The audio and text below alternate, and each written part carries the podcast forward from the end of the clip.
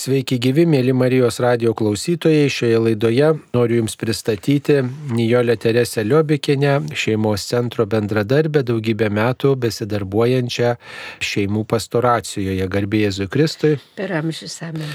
Taigi, mėla Nijolė, mes šiandien minime šventąją šeimą ir tikrai tokia idilė šventosios šeimos daugeliu yra labai mielas vaizdelis, kai štai Marija meiliai žiūri kūdikėlį Jėzų ir taip pat Juozapas apglobęs Mariją su kūdikėliu ir visi atrodo taip dar nei sutarė, net ir visus sunkumus išsprendžia, kai susapnuoja kažką tokio grėsmingo, perspėjančio, tikrai padaro tam tikras išvadas, tikrai labai atrodo gražiai sutarė ir visiems laikams liko idealio šeimos pavyzdžių. Ar tikrai šeimai tai yra įkvėpimo šaltinis, eiliniai paprastai šeimai, vat, šventoji šeima Juozapas, Marija ir kūdikėlis Jėzus? Tai e, čia toks gal ir vienas iš sudėtingesnių klausimų. Na, viena vertus mes kažkaip dairomės idealų. Bet atrodo, nu, vat, kaip šia idealas koks nors, kurį mes turėtume sekti. Bet šeimos gyvenimas nėra idealus. Jis yra žmonių, paprastų žmonių, kurie gyvena šeimoje, kurie nuolat kūrė šeimą, nes šeimos gyvenimas yra nuolatinis veiksmas, nuolatinis darbas ar ne, darbas pirmiausiai su savim. Ir tai yra gana sudėtinga ir gana nelengva. Ir kai mes taip saldžiai kalbame apie šventąją šeimą, Tai šeimai, kuri išgyvena sunkumus, o iš tiesų tai normalu išgyventi sunkumus, išgyvena krizės, irgi tai yra normalu, bet mes patiekėm tokį vat saldų tą vaizdelį ir taip atrodo, kad šventoji šeimoje tai nu čia, o taip viskas taip lygų, gražu ir puiku, tai tada jinai nustoja būti tuo pavyzdžiu, kuriuo aš galiu sekti. Nes paprastai žmonės pasako, nu tai ką, nu mes nešventi, Mūsų vaikas tai ne Jėzus Kristus, kuris gimė ir tikriausiai buvo labai geras ir, ir visok, žinai, tai ką mes galim išmokti. Va ten yra idealas. Man atrodo, kad jis gali būti šventoji šeima ir turėtų būti idealu, bet galbūt tik tai tada, kada mes pažiūrėtume to šventos šeimos gyvenimą iš natūralaus žvilgsnio. Pavyzdžiui, kiek šventoji šeima turėjo krizių, o jie turėjo kaip jie jas išgyveno, kas jiems padėjo tas krizės išgyventi, ar ne, kokie buvo sunkumai ir kaip jie tuos sunkumus ištvėrė. Ir čia mums reikėtų daugiau pasiskaityti ir apie kontekstą. Ir šiandien berots yra, reiškia, kaip erodas nužudė vaikelius Betliejuje iš, iš pykčio, kad nerado nužudyti, reiškia, Jėzaus, kuris pabėgo su savo tėvais, reiškia, tėvai jį išgelbėjo, ar ne, Marija ir Juozapas. Tai galbūt ta šventoji šeima mums iš tiesų būtų ir šeimoms, kurios turi sunkumų, kurios turi labai daug išgyvenimų. Ir kiekvienai tai šeimai, kurie eina tuo keliu, kuris nėra asfaltas. Jis kartais būna ir duobėtas, ir akmenėtas, ir visoks, jie gali sakyti ir gali atsiremti. Tai šiek ir šventoji šeima turėjo tokius didžiulius išgyvenimus, ar ne? Nes ką reiškia bėgti su kūdikiu? Nu, dabar mes matom karas Ukrainoje, pabėgėliai su kūdikiais ir vaikais. Galų gale mūsų istorinė patirtis tą rodo, kaip yra nelengva. Bet kai mes matom šventąją šeimą tokiam labai realiam gyvenime, su visais jo sunkumais, su visais, reiškia, vis netikėtumais, su visomis krizėmis, ir tada mes galime galvoti, palauk, o kas jiem padėjo? Sapnas, nu, sapnuojame visokių dalykų, kartais sapnuojam, kartais nesudomė, čia buvo ypatingi sapnai, ar ne? Tokie Dievo duoti sapnai. Tikriausiai, kai šventoji šeima buvo tikinti šeima, ar ne, tai eidavo ir skaitydavo šventą raštą. Ir šventasis Juozapas pagal žydų tradiciją turbūt aiškino šventą įraštą Jėzų, ne tik tai Mariją, ar ne. Buvo tas toksai, nu, ir darbų pasidalinimas, ar nemokymas to vaikelio, ar ne, ir, ir, ir santykis su kitais aplinkiniais. Iškia, kai mes žiūrime į tą tokį realų jų gyvenimą tame kontekste, galim sakyti, jo, bet jis šventoji šeima ir mūsų kontekste jinai aktuali. Ir tada mes galime prašyti pagalbos. Mums gali atrodyti, kad iš tiesų jau kas kas, bet jau Marija su savo išgyventom krizėm, nes ką reiškia nepažinti vyro ir, ir laukti kūdikio. Tai būtų vieniša motina, kurią turėdavo užmušti akmenimis. Daug visokiausių dalykų, ar ne? Galų galė švento Juozapo išgyvenimą, ar ne? Kaip čia atsitiko abejonės taip toliau, tai tada jie tampa mums labai aktualūs, labai artimi.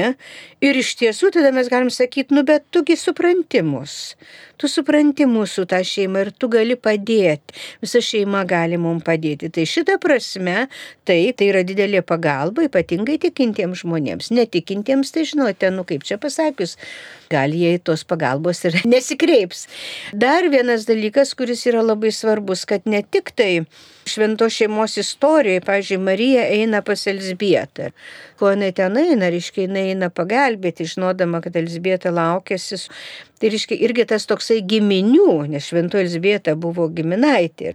Toksai giminių santykis irgi yra labai gražus. Ir netgi, pavyzdžiui, skaitant šventai raštą, tai Jėzaus genealogiją, tai vėlgi gali duoti mums labai daug tokio pamastymui dalykų, iš kurių mes galim labai daug išmokti. Matote, šventoji šeima tikrai padeda, bet žmonėms, kurie tik ir kurie gilinasi. Mes kažkaip labai mėgstame, nu, tokius, iškia, stebuklėlius. Paspaudžiu mygtuką ir viskas tvarko, žinai. Paspaudžiu mygtuką ir jau filmukas. Šio laikiniam ypatingai žmogus nori labai greitų. Tai taip, nu, neišeina. Žmogaus gyvenime, jei kuo greitesni dalykai vyksta, tuo didesnė krizė, nes žmogus negali prisitaikyti. Bet kažkodėl mes norim, kad paprašiau iš šventosios šeimos, vat, ir turi būti viskas, kaip pasakyti. Ne, ne, ne mes turbūt ir tos pagalbos norėdami mes turime apmastyti, sužinoti, melstis, na, žodžiu, naudoti tas priemonės, kurias bažnyčia mums nustato ir duoda.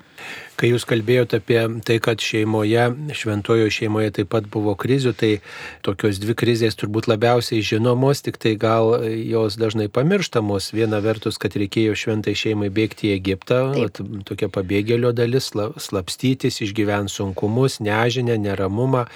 Kitas dalykas, kai vaikelis Jėzus pasiliko šventykloje, tai turbūt auginančioms paauglius šeimoms turbūt tas labai artima turėtų būti, kad vaikas neklauso, kad vaiko nesupranti ir tas Marijos sakinys Jėzui vaikeli, ką mums tai padarėjai, tai turbūt ir dažnų tėvų lūpose skambantis sakinys, vaikeli, kam tu šitai padarėjai, kodėl mus įskaudinai, kodėl tu mūsų neklausai, kodėl tu mūsų nesupranti, kodėl tu nepriimi tą, ką mes sakom. Tai vat.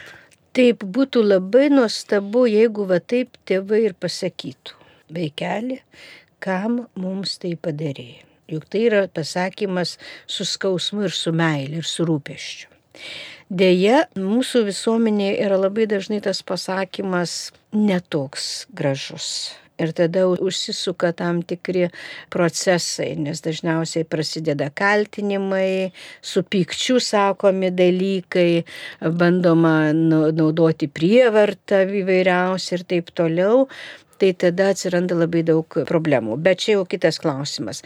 Aš manau, kad šitas epizodas iš tiesų gali nuraminti žmonės, kad jie pagalvotų šeimos, kad kai yra vaikas paauglys, mums reikia keisti strategiją ir taktiką.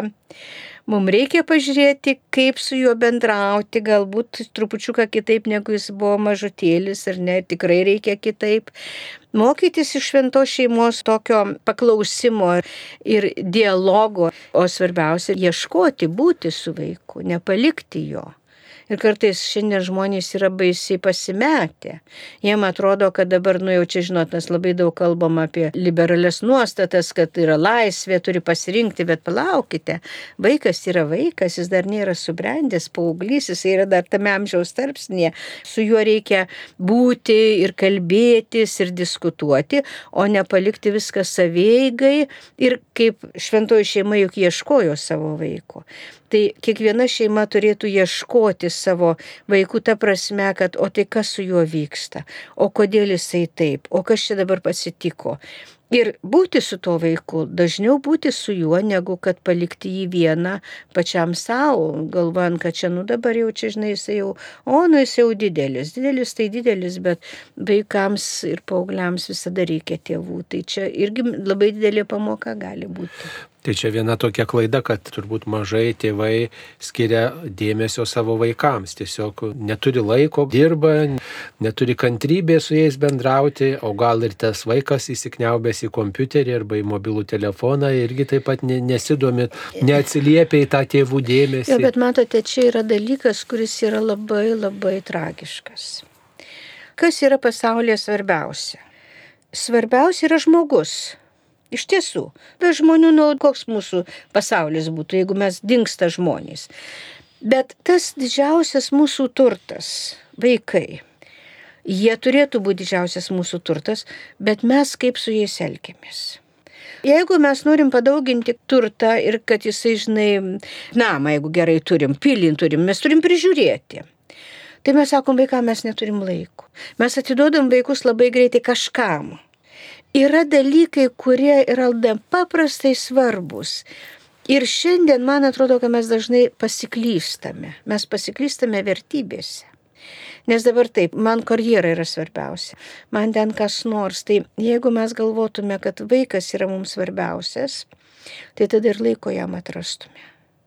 Nes kartais, kai jau vaikas nejaučia meilės tėvų, arba tėvai tą meilę išreiškia tik tai davimu, duodu pinigų. Nes jūs sakot kompiuteris ar mobilus telefonas. O tai kas tą kompiuterį, mobilų telefoną vaikam parūpina? Nu, bet tai jis ne, nebus atsilikęs nuo bendraklasių. Viskas jeigu... tvarkoja.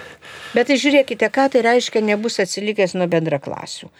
Tai jeigu su vaiku dirbi, Ir jeigu su vaiku kalbėsi, ir jeigu vaikas jaučiasi tikrai mylimas, ir jeigu jisai gali pasisakyti, nu tikrai, nu žinokite, visi jau mano, jau mamytė tėvelį, bet mamytė ir tėvelis paklausė žinai, o tai jeigu tau reikėtų pasirinkti, vat, mūsų šeimą, kuri, nu, galvoja, kad galbūt šiuo metu neišgali, bet galbūt ir galvoja, kad gal dar nelaikas tau turėti labai modernų mobilų telefoną, bet parūpino kitokį, ar kad tu, vat, viską turėtum, bet neturėtum mūsų, vat, ką tu pasirinktum. Ir jeigu vaikas pasako, tai žinoma, jūs pasirinkčiau, viskas tvarkoja. Vaikai nėra kvaili, su jais reikia kalbėtis, bet kada jie labai įskaudinti yra, kai jiems yra nesaugu, kai nėra tam tikro vat, stabilumo ir saugumo, kai jie nejaučia meilės, arba ta meilė yra nu tokia kažkokia, kur jie nu kas ta meilė. Ir jeigu meilė pasireiškia tik tai davimu, duodu pinigų, duodu visko, ko tu nori, arba, pavyzdžiui, viską leidžiu, nes labai myliu, tai vaiko pasąmoniai išjungia toks vienas jungiklis, aš tėvams nerūpiu. Tėvai galvoja, kad jie rodo tokią didžiulę meilę, nes viską vaikams duoda ir viską leidžia. Vaiko pasąmonė yra, aš tėvams nerūpiu. Ir kartais, kai tėvai jau galų galę, nu jau nebegali ir kai tai jau, taip kaip sakyt, jau griežtai pasako, o, oh, Tai reiškia, aš tėvams rūpiu. Yra tam tikri sudėtingi dalykai, nes kai mes kalbam apie meilę, tai reikia atsakyti klausimą, kas ta meilė. Ir jeigu aš neturiu laiko, netgi tada, kada tu neturi laiko, aš tikrai pateisinu, nu, aš pati dirbau tokį darbą, kur kartais man reikėdavo įti būdėjimus ir reikėdavo, mano pirmoji profesija tokia buvo, kad aš turėdavau ilgiau užtrukti, bet mano vaikai visada žinotų, tai kur aš buvau kad aš turėjau daug ligonių, kad atėjo toks ir toks ligoniukas, vat, kuriam labai skaudėjo, aš negalėjau jo palikti, arba ten aš turiu eiti būdėti tai, ką aš darau. Ir tada tie vaikai tarsi jie dalyvauja tavo gyvenime, žinau. Mergytėm dar buvo nedidukai, kažkas paskambino, paklausė, kur aš sakė, mamytės dabar nėra, mamytė ten ir ten, jinai daro labai gerą darbą. Ir tada vaikui nėra pikta, jisai supranta. Tėvai aha, kodėl jų nėra, jie labai norėtų, bet tada vis tiek turi duoti jiems tą, ką duodi. Iš kitos pusės noriu pasakyti, kad daktaras Vinikotas yra labai gražiai pasakęs, žymus psichoterapeutas. Kad vaikai būtų laimingi, nereikia tobulų tėvų, aš perfrazuoju, jis sakė apie motinas, bet reikia pakankamai gerų tėvų. Nes jeigu mes nusibrėžiam, kad mes busim tobuli tėvai, tai prapulsim ir patys ir vaikai bus nelaimingi. Nes, nu žinai, tada yra vis, visokie persistengimai ir taip toliau. Bet pakankamai geri tėvai yra tas faktorius, kuris yra nepaprastai svarbus vaikams. O kas būtų tie pakankamai geri tėvai, kaip galėtume apibriežti, gal vis tiek, kaip sakyti, lentynėlės būtų galima sudėlioti arba kažkokius principus nubrėžti, kurie Aš, rodytų, kad tikrai į tą pusę jau. Iš tiesų tai yra tikrai kreipia. labai, yra labai geras klausimas, nes labai smagu dėlioti lentynėlės, tada viskas taip tvarkingai atrodo. Aš manau, kad pakankamai geri tėvai tai pirmiausiai tie, kurie, kaip sakiau, suteikia vaikui tokį stabilumą tokį rutiną pastovę, ar ne, kad vaikas labai gerai žino, kad dabar darysim tau, dabar darysim tau, taisyklė yra tokia, o dabar darysim šitą. Sunkiausia vaikui tokį, nu, nestabilumą, tokį chaosą išgyventi. Nu, šiandien taisyklės yra tokios, nes mama yra griežta, nes jinai tokia. A, bet kitą dieną jinai geros nuotaikos, tai taisyklių jokių nėra. Tai tada vaikas yra labai pasimetras. Tai iškia pirmas dalykas. Toliau, kitas dalykas, kuris yra labai svarbus, tai yra pagarba vaiko asmeniui. Žiūrėkite, jūs sakėte apie Jėzų 12 metų. Vis dėlto Marijos pasakymas buvo labai pagarbus. Vaikeli, kam mums taip padarėjai? Tai nebuvo kaltinimas, kodėl tu tai padarėjai ar ne, kaip tu šitaip galėjai. Tai buvo paklausimas, ar ne. Tai vad pagarba vaiko asmenį, tada yra besąlyginė meilė, kas šiandien yra labai baisu. Sąlygiška meilė. Jeigu tu būsi pagal mano standartus, tai, tai aš tave mylėsiu. Jeigu ne, tai aš tavęs nemylėsiu. Ir tai tiesiogiai taip yra nesakoma, bet vaikas labai dažnai tą supranta, kad jis mylimas sąlygiškai.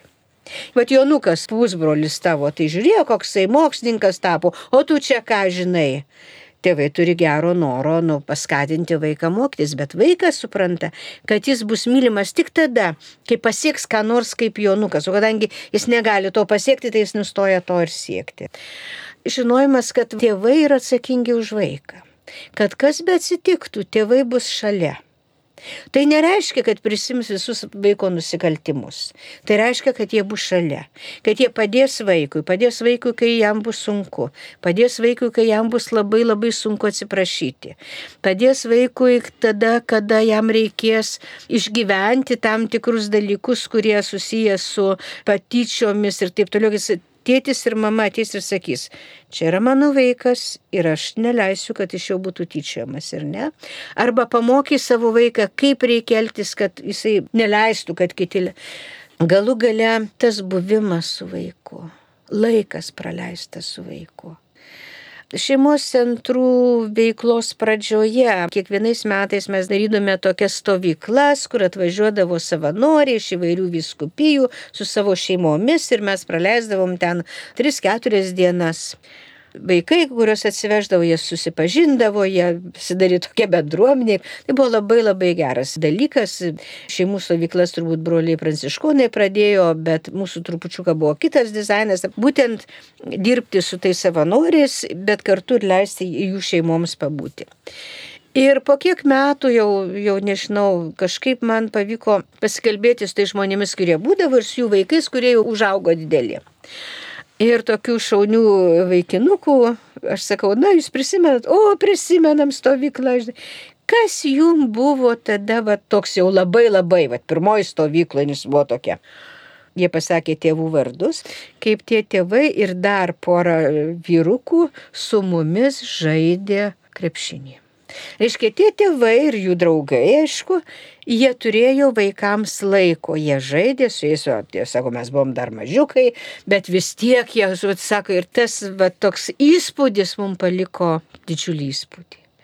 Tai aš manau, kad va, tas buvimas su vaiku, bet toks prasmingas, ir tas žiūrėjau, buvimas su vaiku, tai yra nedaryk, nesielg taip, daryk taip, ne, ne, ne, bet toksai nudraugiškas, mielas buvimas kartu ką nors kartu darimas, kepimas, virimas, ėjimas, kur nors.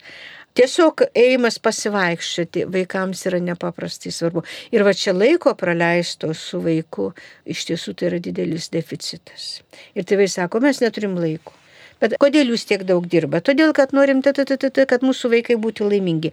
Ar paklausėte savo vaikų, ką jie rinktųsi? Nepaklausė. Tai vad kažkaip mes dažnai galvojame, kad mes žinome, kad tai yra svarbu vaikui, o vaikas galvoja, ne, ne, ne, norėčiau pabūti. Žinau, vienoje šeimoje buvo toks trupučiuką konfliktinė situacija ir tėtis labai daug dirbo, labai daug dirbo, jam žinai neturėjo laiko ir tada, na tiesiog klausimas toksai va, vaiko, ko tu norėtum.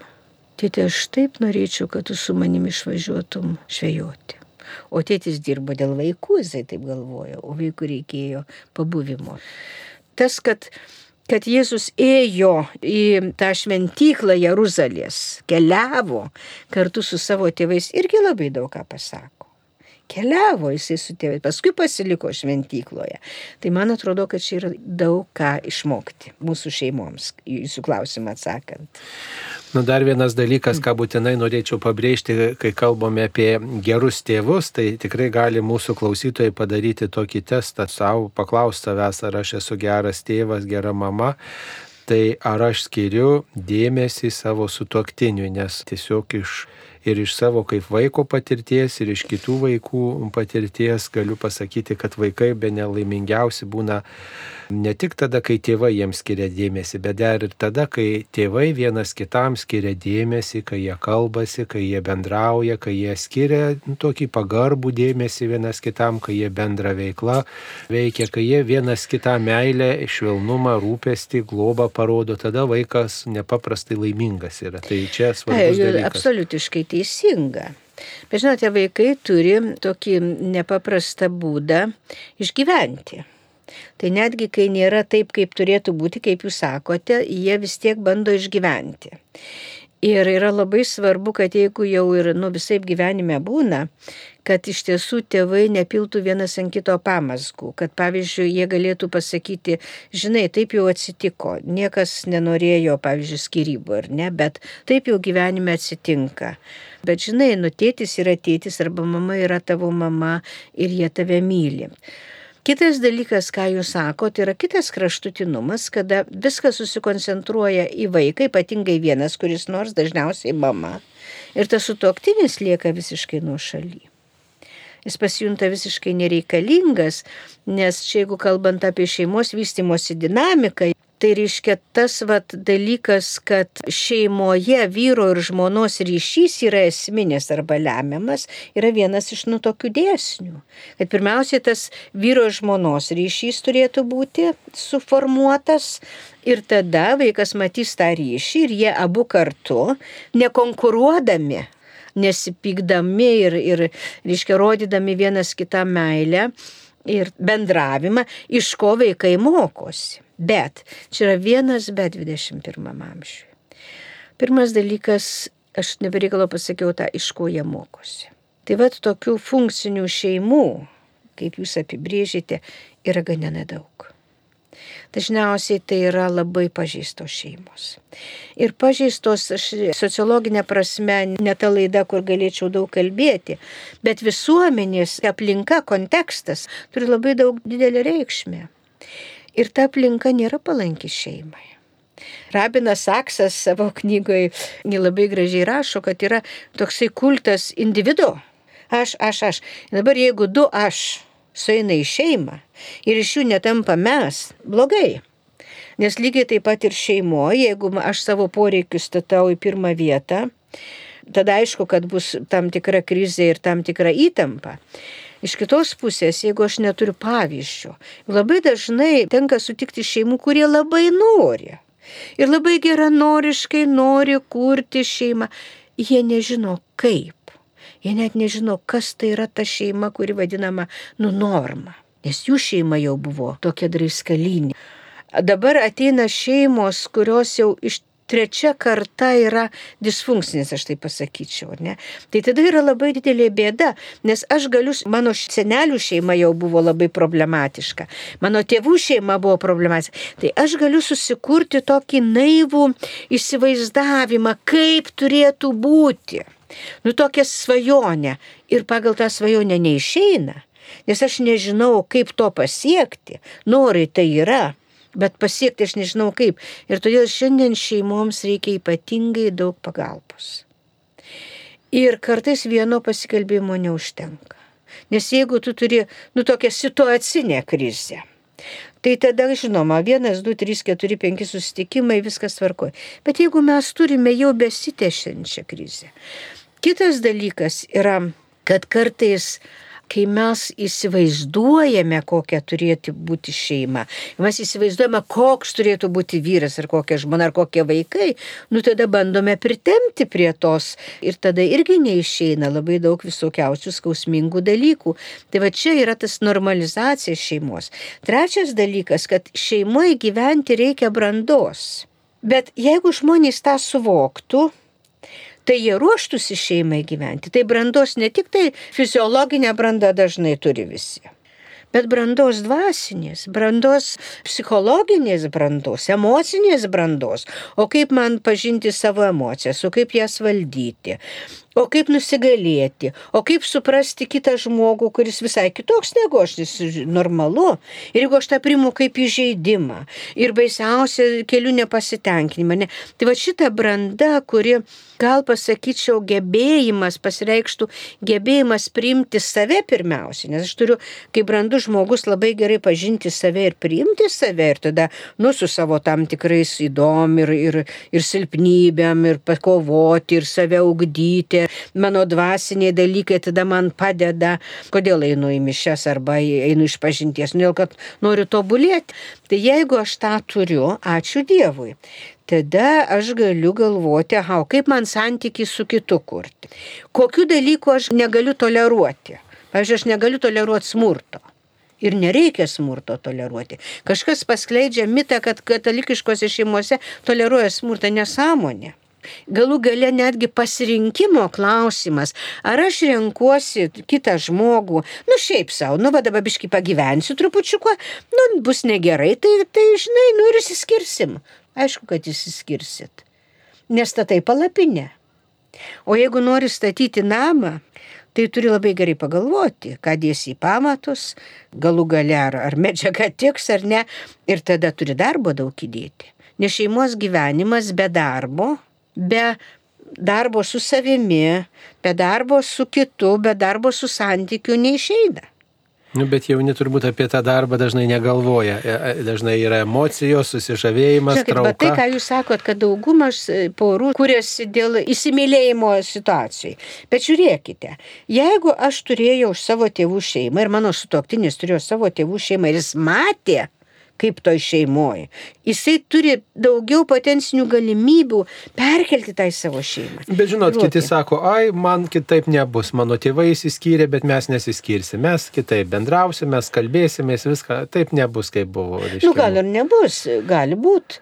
Todėl, kad jeigu žmogus žiūri kaip ta, bet jis turėtų labai gerai žinoti, kad tai, ką mes patirime savo šeimoje, tai yra labai mums svarbu. Mes net apie tai negalvojant. Ir netgi negalvojant apie tai, mes kai kurios dalykus perkeliam į savo šeimą. Tai yra vienas iš rizikos veiksnių. Bet tas nusiteikimas, bet tada jie turi žinoti, aha, kai bum pasidarys trupučiuką neaišku, ar vyks, mes eisim pagalbos. Mes eisim pasikalbėti. Arba kaip spręsim tą problemą. Kaip spręsim būdų. tą problemą. Ir, nes matote, čia yra dar vienas dalykas, kur mes labai dažnai nesusimastom apie tai, ką mums popiežius sako pradedant Jonu Pauliu II, ne, nebūtinai ir, ir, ir prieš Joną Paulių II, antrąjį daug kalbėjo, antram Vatikano suvažiavime daug kalbėjo apie šeimas, bet Jonas Paulius II, nu jis taip kažkaip labai iš esmės ir, ir popiežius Pranciškus, ką sakė pas mus, šaknys Tai mes galim sakyti, o, mano senelis įskyrė, mano tėvai įskyrė, ten buvo šaknis, palaukit. Bet jeigu mes panagrinėtume savo genealoginį metį, galėtume atrasti tokių dalykų, kur yra mūsų stiprybės šaltinis. Ir nebūtinai aš turim tą pavyzdį, kad tėvai įskyrė ar seneliai, bet galiu paimti kitus pavyzdžius, o kokios buvo jų stiprybės. O gal ir gerai, kad jis įskyrė, nes ten buvo smurtas ir ten vienas ar kitas negalėjo to smurto kesti ir jie dėl to. Iškai mes turime labai dirbti su tuo ir ieškoti tame genealoginėme medė irgi stiprybių. Ir tų stiprybių galima labai daug rasti. Net iš labai tokių negatyvių pavyzdžių galime atrasti labai daug tokių stiprių dalykų. Pavyzdžiui, giminiai genealoginį medį analizuojant, buvo pasakyta, kad senelis tai buvo tokio maus būdo, bet močiutė pasakė, vieną kartą tu galėjai ten pasielgti taip, kaip, bet antro karto nebus. Ir jinai pasakė taip tvirtai, ir tas žmogus tikrai žino, kad jinai tą padarys, nes jis matė jos charakterį, viskas baigėsi. Pavyzdžiui, smurtas. Smurtas plinta todėl, kad mes leidžiame smurtui plisti. Kad mes nepasipriešiname. Tai pavyzdžiui, savo vat, šeimos genealoginę metį mes galime rasti labai daug stiprybių. Pavyzdžiui, netgi tas baisus gyvenimas dviejų okupacijų metu kaip jie iškentėjo, kaip jie padėjo kitiems, arba netgi sovietmečio, ar ne, ką jie darė tokio, kad mes vis dėlto sovietmetį vat, kažkaip išlikom ir dar vertybės tam tikras gavom. Tai čia yra mūsų pagalbos, nu, tokios šaltinis, nu, toks žmogiškas, bet iš kitos pusės vėlgi, jeigu mes kalbame apie šeimą, kaip apie struktūrą Dievo sukurtą ir labai svarbę Dievui, Tai vėlgi mes turime labai galvoti. Pirmas dalykas, mes turime naudotis tom dvasiniam priemonėm, kurios yra paliktos. Kodėl? kad aš galėčiau geriau suprasti, kad aš galėčiau atleisti, kad Dievas man padėtų, ką aš turėčiau daryti ar ne. Galų gale ne tik to, aš turiu eiti pagalbos. Tiesiog pagalvojau, kad katalikų tarpe labai toksai keistas gėdos jausmas, kad jeigu mes katalikai, tai viskas mus, mus turi būti labai gerai ir nieko čia jau mes. Ne, ne, ne. Kaip tik tai aš einu į grupę arba aš einu ieškoti pagalbos, aš einu pasitarti. Ir ta pagalba vis tiek turėtų būti nu, organizuojama plačiau negu dabar yra. Nu, toks dalykas dar su ta pagalba yra gana komplikuotas, ta prasme, kad jeigu vienas šeimos narys norėtų tos pagalbos, mato, kad tikrai šeima atsidūrė krizėje, reikia ar į psichologą kreiptis, ar kažkokį kitą specialistą ten, ar pas kunigą nueiti, pasikalbėti, ar, ar tiesiog dar pas gydytoją galų galę nueiti. O kita šeimos narys sako, kitas, a, jeigu tau reikia, turėk maždaug, ar ne, tai reiškia išsiskiria tie požiūrio taškai, išsiskiria vertybės ir ypač. Bet žinote, šitame klausime aš esu sisteminės teorijos šalininkė. Sisteminė teorija sako, kad tai yra labai aišku, kad jeigu vienas sistemos narys pradės keisti savo elgesį, ilgainiui keisis visa sistema. Bet reikia labai jau ilgai laukti turbūt. Nu, gyvenimas yra toksai, kur, nu žinote, o tai ką, greitai galima gal tik tai numirti, bet ir tai sunku, kartais ilgai užtrunka. Nu, gyvenimas yra, yra procesas, kuris reikalauja laiko. Tai jeigu mes galvojame, kad paspaudžiau mygtuką, mes negalime pakeisti kito žmogaus. Pakeiskite jį, tai aš būsiu, vat, jau aš beveik šventoji, arba atvirkščiai. Pakeiskite ją, tai aš jau čia jau palaimintasis, ar ne? Negaliu, jūs galite pakeisti savo elgesį. Ypatingai su alkoholikais ir narkomanais, žiūrėk, dėl ko ateina alkoholiko žmona. Jeigu jis nustos gerti, rojų žemėje. Ne, ne, ne. Jis gali nustoti gerti, bet šeima gali iširti.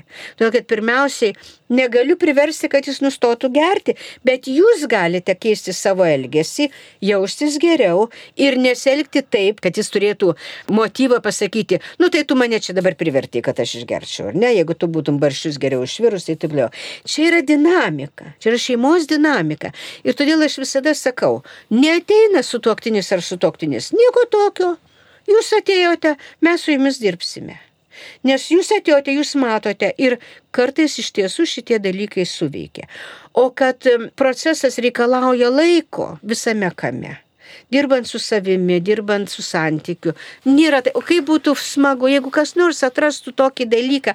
Sumokėčiau labai daug, turiu tokį aparatą, ateina žmogus nori pasigėsti. Pastatau kaip rengeno ten arba, reiškia, kokiu nors dabar smegenis, kur šviečia, ar ne, magnetiniu rezonansu. Mygtuką paspaudžiau, kelios minutės žmogus išėjau vajetus, tu mano. Tai rojų žemė nebūtų rojų žemė, taip nebūna. Žmogui reikia žmogui aukti, žmogui bręsti, žmogui santykiai išvystyti, reikalingas laikas.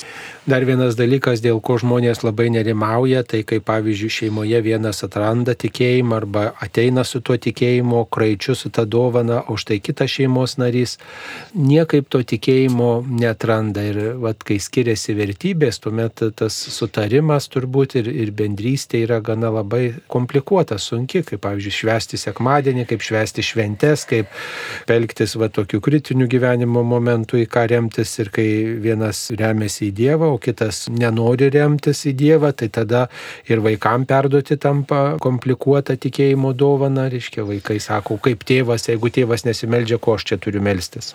Ką apie tai galėtume pasakyti, ar čia irgi galioja tas pats principas, kad maždaug jeigu nepriima, nu nepriversi tikėti, tai bent pats ar pati laikykis to tikėjimo. Čia atskira tema, tiesą pasakius, atskira laida turėtų būti. Pirmas dalykas, aš žinoma, kadangi mano charakteris nėra labai geras, tai būsiu bjauri ir paklausiu, tai palaukit, o kaip tu tiekėjai, tai užtikinčio tiekėjai ar neužtikinčiau. Pagalvojau, kad meilė viską pakeis. Nu, palaukite, tai čia yra, žinai, meilė, tai meilė, nežinau, kas yra meilė, jinai savaime nieko nepakeičia, meilė padeda tau pasikeisti. Jeigu viskas gerai tau tiko, tai tada gerbk tą savo sutuoktinį, numelskis ir lauk. Nes nieko nėra baisiau, kaip auklėti sutuoktinį arba sutuoktinį vienas kitam. Jūs pradėjote apie šventąją šeimą, aišku, šventoje šeimoje nu, nebuvo tokių problemų, jie buvo. Bet mums tikintys. yra tokios problemos. Bet žiūrėkite, nu bet gal tas žmogus iš tiesų jis yra vertas meilės, dėl ko aš už jo ištekėjau arba ją vedžiau. Ir tokia pagarba. Ir kartu Jeigu tas žmogus sako, nu jo, aš tave myliu, tave gerbiu, kadangi tavo čia tavo tokie įsitikinimai, viskas tvarkoj, tai viskas tvarkoj. Be abejo, kad jie prieš santoką turėjo pasikalbėti apie tai. Man atrodo, kad su toktinių kursuose apie tai turėtų būti kalbama, nežinau tiksliai ar... ar... Nes matote, vėlgi, šeima yra toksai darinys, kur nu niekaip negali, vis tiek vienas kitas šiaip taip ar veikia, ar ne? Tai pavyzdžiui, ten kokia šventoji ryta, kuri ten už mafijozo dabartiniam terminam kalbant buvo ištekėjus, nu jinai turbūt ten negrizijo jam, bet jinai pati ir tikėjo ir meldėsi, ar ne, ir jį mylėjo. Ir tas žmogus, nu kažkaip jisai atsivertė, jisai pakeitė savo gyvenimą. Aš manau, vilties yra, matote, blogai yra tada, kada mes galvojame, kad jau mes tai jau atversime. Nieko tu netversi. Kiekvienas žmogus turi savo įsitikinimus. Jeigu tu prieimė tą žmogų, eidama į santoką ar eidamas į santoką, nugerbk ir prašyk Dievo, Jūs mato, santoka tai yra tam tikra prasme ir kontraktas, susitarimas. Tai turėtų būti šitie labai svarbus dalykai aptarti. Mane, pavyzdžiui, labai nuneramina santokos su labai visiškai skirtingom religiniam tradicijom, pavyzdžiui, musulmonų ir katalikės labai sudėtinga gali būti. Gali būti, nes ir kultūriniai dalykai yra labai sudėtingi.